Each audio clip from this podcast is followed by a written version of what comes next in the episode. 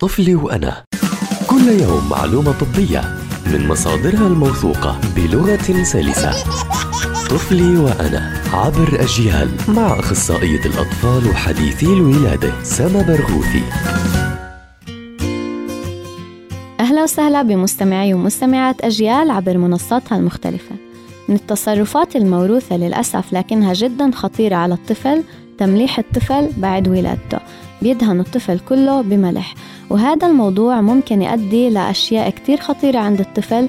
أهمها الجفاف اللي ممكن إذا وصل لحالات شديدة يؤدي لفقدان الطفل. عشان هيك مهم نبتعد عن هذا التصرف وما نلجأ له ولا بأي حالة من الحالات.